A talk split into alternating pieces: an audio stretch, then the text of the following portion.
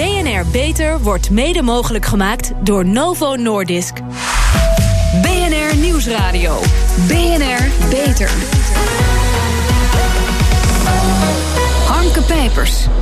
Diabetes heeft een grote impact op je leven, maar ook op de samenleving. Waarom en hoe krijgen we daar grip op?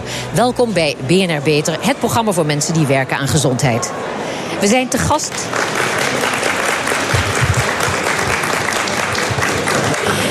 we zijn te gast in de rijtuigen.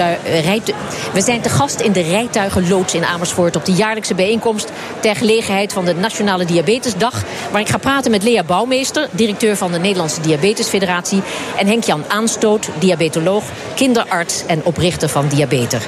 Mevrouw Bouwmeester, u was tot voor kort uh, Tweede Kamerlid voor de PvdA met zorg als uh, expertise.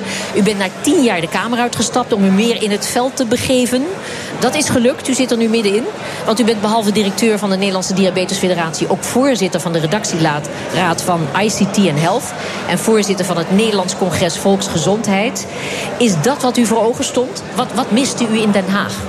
Nou, eerlijk gezegd mis ik eigenlijk niks uit Den Haag. Uh, want ik merk nu ik met mijn poten in de klei sta dat je. Nee, nu niet. Maar wat miste u destijds in Den Haag? Oh, wat ik toen in Den Haag miste is dat het was heel erg randvoorwaardelijk wat we bespraken.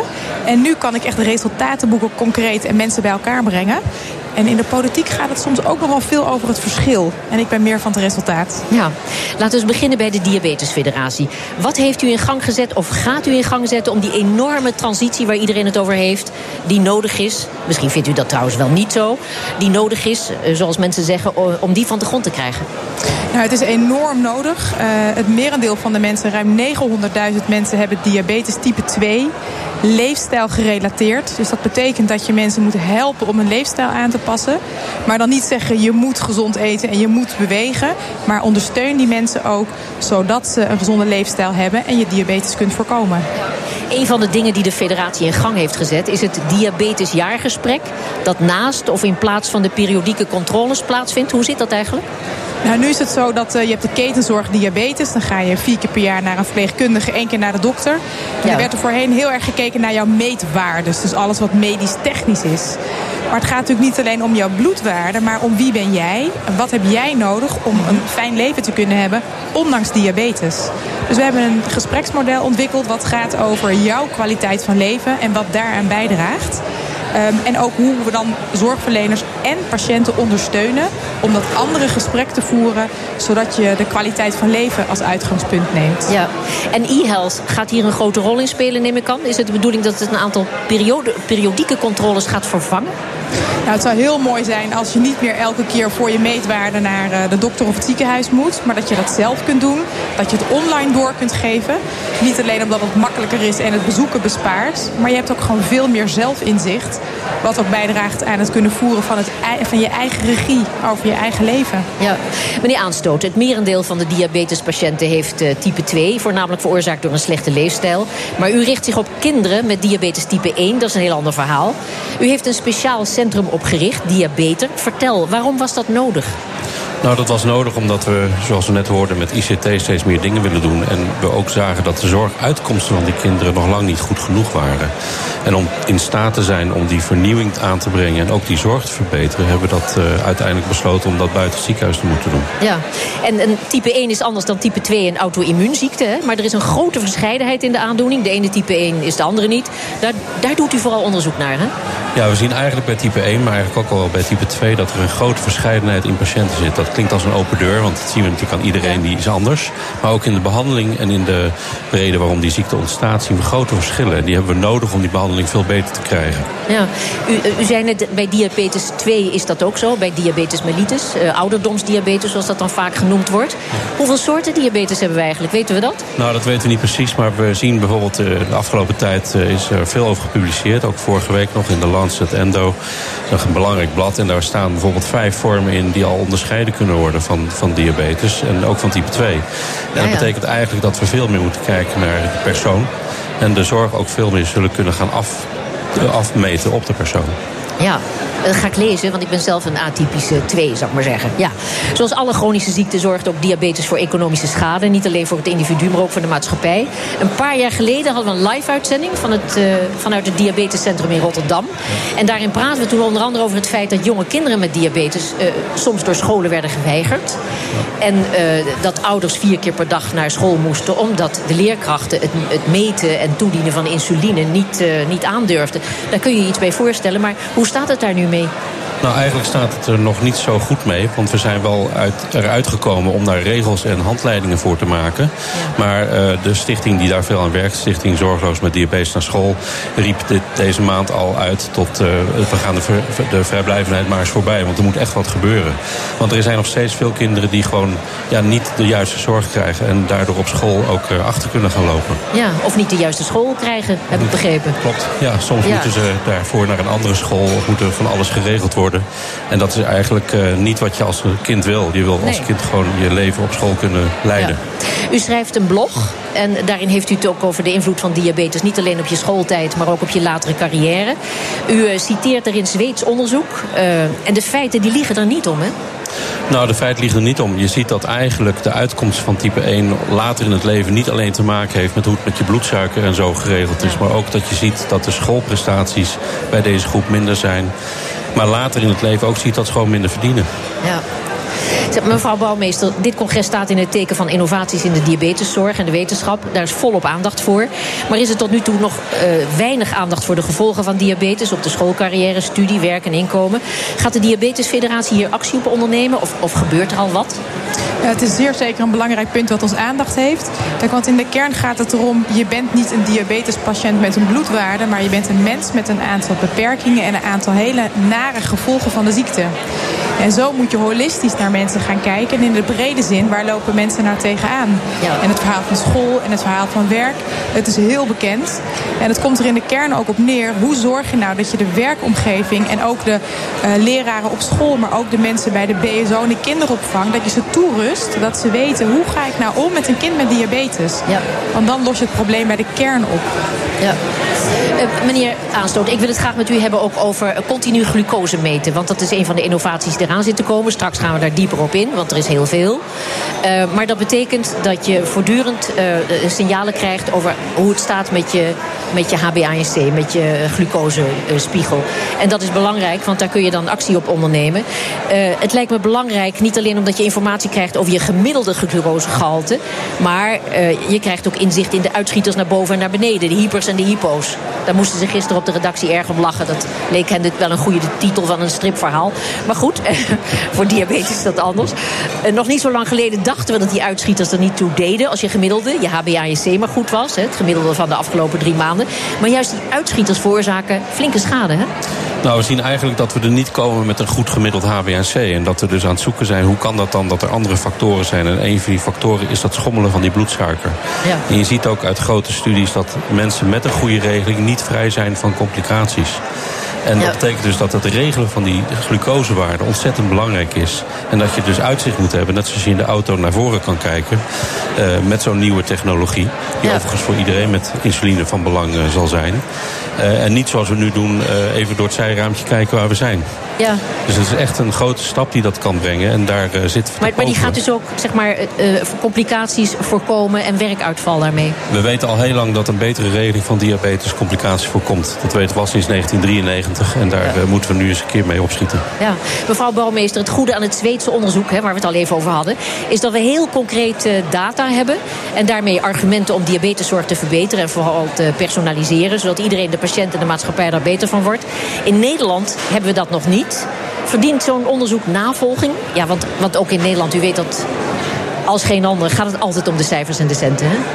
Nou ja, als je inzicht krijgt in data, dan weet je ook precies wat het probleem is. Waar, waar zit de kern van het, van het probleem, maar ook de oplossing. En dan kun je heel gericht, persoonsgericht, kun je de beste uh, interventie, zorg en ondersteuning geven. Ja. En de eerste stap is dan dus ook dat we gaan meten wat is er nu aan de hand.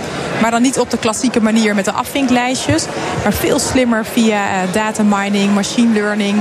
En dan kunnen we de kwaliteit van uh, het leven van mensen uiteindelijk enorm verbeteren. Ja, maar nou heeft Nederland iedereen de mond vol van preventie. Hè? Maar als het gaat om de vergoedingen, dan loopt dat vast in kortzichtige zuinigheid. Terwijl het voor iedereen volstrekt duidelijk is dat de kosten van zo'n continu glucosemeter, u begrijpt daar geloof ik nogal in, dat, dat die kosten in de kortste keren zijn terugverdiend.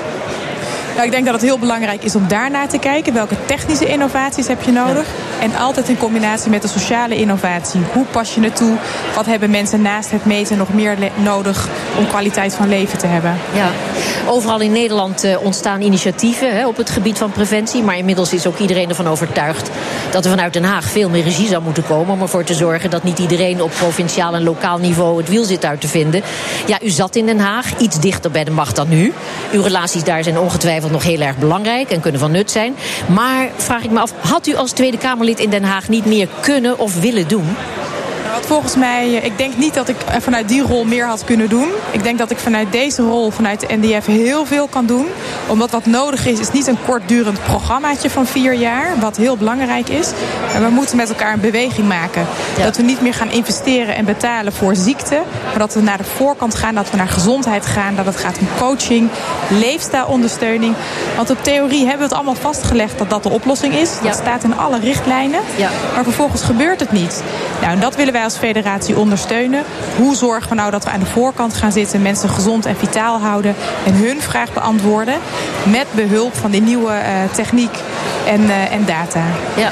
Maar goed, die regie vanuit Den Haag, uh, ja, daar bent u natuurlijk ook afhankelijk van. Maar is dat, heeft u ook dat inzicht dat er op dat punt veel meer regie moet komen vanuit Den Haag, vanuit de politiek? Er is absoluut regie nodig. Er is ja. een lange termijn commitment nodig. Want daar roepen ze tot op heden, het moet uit het veld komen. Ja, er komt heel veel, maar wel allerlei verschillende bloemen.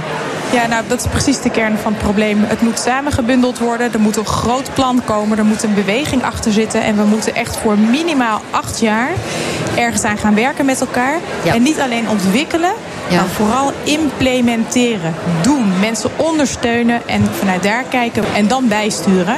Maar niet steeds iets nieuws beginnen elke nee. vier jaar. U vertelde dat het in Den Haag zo moeilijk was om te snappen wat er in de zorg speelde. Snapt u het inmiddels beter? Ja, ik snap het heel goed. Ik snap hoe ontzettend hard er gewerkt wordt. Maar dat wist ik al. Maar hoe weerbarstig het is als we allemaal zeggen... leefstijl ondersteunen, dat voorkomt uh, ziektelast en ziektekosten. En waarom gebeurt dat nou niet? Nou, als je met je poot in de klei staat... dan zie je waarom het niet gebeurt. Maar ook hoe je het wel kunt doen. Oké, hartelijk dank, Lea Bouwmeester. Gaat innovatie en technologie zorgen voor die doorbraak waar we al zo lang op wachten? Daarover hoort u meer na de reclame. Nieuwsradio. BNR Beter. Ruim 1 miljoen mensen in Nederland heeft diabetes. En dat aantal gaat de komende jaren nog stijgen ook.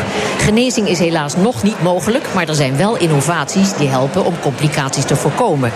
We zijn te gast in de rijtuigenloods in Amersfoort. op de jaarlijkse bijeenkomst ter gelegenheid van de Nationale Diabetesdag. Waar ik verder ga praten met Henk-Jan Aanstoot, diabetoloog, kinderarts en oprichter van Diabeter. En aangeschoven ook is Henk Schers. Hij is huisartsonderzoeker in het Radboud UMC. En voor zijn werk kreeg hij vandaag de Professor Lambertsprijs. Meneer Schers, van harte gefeliciteerd. Dank u wel. U bent uh, initiatiefnemer van de Herstelcirkel. Vertel, wat is dat en wat is het geheim van het succes daarvan? Nou, de Herstelcirkel is eigenlijk een initiatief uh, wat we hebben opgericht omdat wij zagen dat de zorg zo'n beetje aan zijn grenzen komt. Dus we hebben een miljoen diabetes in Nederland. En met de medische zorg uh, gaat het niet zo fantastisch, vind ik zelf. Als je kijkt naar de invloed op leefstijl, mm -hmm. voeding, beweging, ja. En eigenlijk bereiken we daar te weinig. Dus dat was eigenlijk de reden om herstelcirkel op te richten.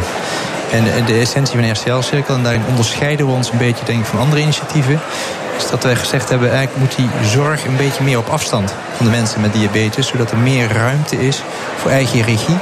Eh, aanspraak doen op het eh, herstellend vermogen van mensen. Uh, samenredzaamheid. Hè. De mensen gaan in een groep bij elkaar. Dat is eigenlijk een tweede onderscheidend aspect.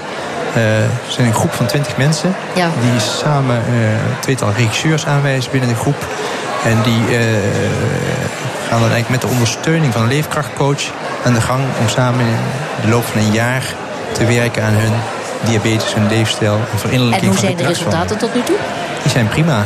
Ja? Tot nu toe zijn de uh, mensen die ingestapt zijn, en dat is misschien wat meestal de verbeelding sprekend, heeft de helft van de mensen heeft de medisch gestopt met de medicatie. Dat is mooi voelen zich vrijer. En, uh... ja, en de mensen houden elkaar enthousiast? Ja, mensen, wat je ziet is dat mensen elkaar stimuleren. Dus bijvoorbeeld als er uh, gewandeld wordt, dan uh, bellen ze bij elkaar aan. Als er eentje is wat moeilijker zit, lopen ze langs de deur. Kom op, zeggen ze, meelopen. Kom op, meelopen, niet thuis blijven zitten. Maar dat is heel belangrijk. Er gebeurt heel veel op dat gebied, maar je moet het wel samen doen om het vol te houden in veel gevallen. Mensen en VGZ betalen een deel van de kosten van dit project. Wat maakt dit initiatief voor hen interessant? Is het een goede business case omdat het kosten bespaart? Nou, ik denk dat er een aantal redenen zijn waarom ze het wel interessant vinden. Ik denk dat zorgverzekeraars ook zien dat mhm. er andere manieren zijn om met de diabetes om te gaan. Dus dat het niet alleen maar moet komen vanuit de zorg. Dat er veel meer moet worden gewerkt aan preventie en verandering van leefstijl. Ik denk dat het ook interessant is voor de verzekeraar. Omdat het natuurlijk kosten kan besparen uiteindelijk. Minder zorg, minder medicatie. En hopelijk op de langere termijn minder kosten in verband met complicaties van de diabetes zelf. Ja, dus het is een van de preventiemodellen. Want het is altijd, ja, de, de investeerder die is er niet zeker van dat hij die investering terugkrijgt. Maar in dit geval is dat heel duidelijk. Ja. ja. U bent uh, werkzaam in het Radboud UMC in Nijmegen. Bas Bloem heeft daar het Parkinson net opgezet. Hè? U bent in korte tijd heel succesvol om deze leefstijlinterventie in de, in de praktijk te brengen. Maar u kiest er in dit concept voor om de zorgprofessionals niet consequent te laten participeren. Een beetje op afstand, hè? Ja, klopt. Ja. Wij denken wat we zien is eigenlijk dat, dat de zorg mensen voor een deel verstikt. En mensen voelen te weinig vrije ruimte om zichzelf te veranderen. Voelen dat er geen echte legitimatie is om dat te doen. Mhm. Dus daarom hebben wij gezegd, de zorg uh, moet een stuk achteruit. Ja, ik las uh, van de week een interview met Bart Meijman, de man van uh, de, het Roer moet om. En die riep van, ja, die, die interventie dat, is, dat moet niet bij de huisarts gebeuren. Die moet vooral dokteren, want anders dan moet ik straks de keus maken... en iemand die ziek te bed ligt laten liggen omdat ik preventie moet plegen. Laat de dokter maar dokteren. Hoe kijkt u daar tegenaan? Nou, eh, je hoort net al, dat uh, sluit aan bij ons initiatief. Ik ben het daar grotendeels mee eens. We hebben ook gezegd, die dokter moet vooral uh, dokteren. Maar wat hij wel kan doen, is natuurlijk mensen motiveren, enthousiasmeren... om het op een andere manier te gaan doen. We hebben wel gekozen voor de leefkrachtcoach om die echt buiten de zorg te plaatsen. Dus geen professional die is verbonden aan de huisartsenpraktijk. En dus ik ondersteun dat helemaal wat collega ja. Meijman zegt. Goed, meneer Aanstoot, ik wil het met u hebben over uh, die fantastische innovaties die eraan zitten komen. Bijvoorbeeld de continu glucosemeter. Dat betekent al een enorme vooruitgang. Maar die meters die zijn nog niet gekoppeld aan de insulinepomp. Dus het hele systeem is nog niet vol automatisch. Hoe lang gaat dat nog duren? Uh, 1 tot 2 jaar. 1 tot 2 jaar en dan is het er. Het is er eigenlijk al, maar het is meer een kwestie van implementering... en straks ook de goedkeuring door verzekeraars... dan dat het technisch niet kan. Ja. En, en zal dat systeem dan 100% veilig zijn? Want een verkeerde dosering insuline kan, dat weten we allemaal, rampzalige gevolgen hebben. Ja, nou er zijn eh, intussen heel veel uh, studies gedaan. En die studies zijn gepubliceerd. Uh, we hebben net gezien dat bij 25.000 mensen met zo'n halfautomaat het fantastisch werkt. Dat de patiënt daar zeer gelukkig mee is. En ook daarvoor geldt dat patiënten ook bij type 1 ja. steeds meer zelf hun eigen regie voeren. Ja. En we zien daar ook dat dit een enorme bijdrage levert om dat leven daarmee te verbeteren. In het voorgesprek zei u, Nederland zit vast in een vangnet van politieke vergoedingen. Ja, vertel, waarin schiet de politiek tekort? Wat zou er moeten veranderen? Nou, kijk, het duurt soms heel lang voordat iets uh, uh, vergoed wordt. En, en dat heeft te maken met dat iets wetenschappelijk moet worden bewezen. Dan uh, is er nog een hele rekening te maken. En ik vind het erg jammer dat we vaak niet naar vervanging kijken van dingen. We hebben in de zorg een bepaalde hoeveelheid geld. Mhm. En dat willen we liefst niet meer maken. En dan moeten we dus leren om dingen anders te doen. Net zoals bij type 2 in jullie project wordt gedaan... Ja. dat die patiënt een grotere rol krijgt. Dat zou wel eens bij mij kunnen betekenen dat ik minder spreekuur nodig heb. En dat geld kan gebruiken om die technologie in te zetten. Ja. Maar kennelijk ontbreekt het de politiek ook aan doorslaggevende argumenten en cijfers. Het gaat altijd om cijfers. En moeten de patiënten en hun verenigingen erin voorzien. We hadden het al over dat Zweedse onderzoek. Moet er hier in Nederland ook zo'n onderzoek komen? Is dat een, eh, een, een, rol voor de patiënten en hun eh, belangenverenigingen? Absoluut. Ik denk dat we in Nederland ook moeten weten wat de impact van ziektes anders dan alleen op het medische leven is. In 2012 heeft het NIVEL al zoiets gedaan, ook over diabetes. En toen bleek al dat het probleem groot was. Maar we zijn weer even blijven stilstaan. Dus wat uh, Lea Bouwmeester net al zei, het is een belangrijk punt om nu mee verder te gaan. En te zorgen dat we daarmee ook de kwaliteit van leven verbeteren. Ja, een toekomst zonder complicaties, dat is het streven. En uh, dat gaan we wellicht zien met uh, die jonge kinderen die dan straks gebruik kunnen maken van die continu glucosemeter. Als een van de hulpmiddelen. Er is nog veel, op, veel meer op komst hoor, prachtig. Een toekomst zonder diabetes? Wanneer hebben we dat voor elkaar? een vreselijke vraag die altijd weer gesteld moet worden tot slot. Vraag, maar ik durf er wel iets over te zeggen. Ik denk dat we diabetes niet zo snel de wereld uit zullen hebben. Dat zal zo tientallen jaren nog duren. Mhm. Maar ik denk dat we een beetje de belastingdienst moeten nadoen. Het leuke kunnen we wel maken. En, maar makkelijker wordt het niet. Goed, dan moeten we dit doen. Uh, meneer Schers, heeft u daar nog iets aan toe te voegen? Iets te wensen? Mm, nou, er blijven altijd dingen te wensen. Nee, maar ik ben het helemaal met mijn buurman eens dat ik niet verwacht dat we diabetes heel snel de wereld uit hebben. Ik denk wel dat we heel veel kunnen doen om het probleem diabetes een stuk aangenamer eh, en beter te maken in de nabije toekomst. Hartelijk dank, Henk-Jan Aanstoot en Henk Schers. Pioniers in de zorg. Onze zorgredactie speurt naar interessante medische innovaties binnen en buiten de muren van de universiteit. Waar werken ze aan en wat moeten wij hierover weten? Met vandaag een pionier live voor onze microfoon. Hij heet Jan-Nico van Aalsum. Hij is oprichter van Mobile Health 24-7, een gezondheidsdienst voor diabetespatiënten. En hij heeft een app ontwikkeld waarin diabetici eenvoudig toezicht hebben op hun insulinegebruik, koolhydraten en bloedwaarden. Vertel, een zelfregulerende calculator om je insuline te meten. Ja, dat doen we samen met uh, Windesheim en uh, het Zalen ziekenhuis. Daar hebben we een boluscalculator uh, zijn we aan het ontwikkelen. Um, die op dit moment voor alle pomp- en leveranciers van de insuline nog statisch is. En die willen we graag uh, dynamisch maken. Waardoor de formule niet alleen uh, s ochtends hetzelfde is aan de middag, maar dat die verandert met het leven van de patiënt mee. Ja, de reden waarom u, uh, waarom u Mobile Health 24-7 heeft opgericht, is omdat uw dochter worstelde met de instelling van haar insulinegebruik. Hè? Ja, dat klopt. vier jaar terug kreeg onze dochter kreeg, diabetes type 1. En eigenlijk de communicatie tussen onze dochter en mijn vrouw en ik, dat werd moeilijk. En daar hadden we een Voor. Uh, daar ging informatie heen en weer. En eigenlijk wilden we dit wel in een app hebben, zodat je ook die data kunt opslaan. En later nog weer terug kunt lezen en eventueel aan de diabetesverpleegkundige kunt geven. Uw bedrijf mHealth is succesvol, terwijl u niet uit de zorg afkomstig bent. Zo succesvol dat u de zaken gaat uitbreiden. Vertel, wat zijn de toekomstplannen? Ja, we zijn op dit moment zijn we bezig met uh, sensortechnologie, een Internet of Things hub. Samen met Neonexus Mobile hebben de handen ineen geslagen. En dan gaan we kijken of we stress kunnen, zichtbaar kunnen maken aan diabetespatiënten. Een stijging van bloedglucose komt of door de inname van koolhydraten, of door stress of inspanning. En dit willen we zichtbaar maken door machine learning en big data aan die patiënt en het zorgveld. Ja. En de app, is die uh, gratis te downloaden via de App Store? Ja, hij is te vinden uh, in de App Store en in de Google Play. Als je zoekt op uh, Diabetes 24-7, dan is hij gratis te downloaden. Registreer en dan kun je hem het hele jaar nog gebruiken. We, ja, we kijken ernaar of we dit ook via de zorgverzekeraar Nederland ook vergoed kunnen krijgen. alleen dat is nog hard werken. En dan gaat u er wel wat geld voor vragen, begrijp ik. Zeker. Ja.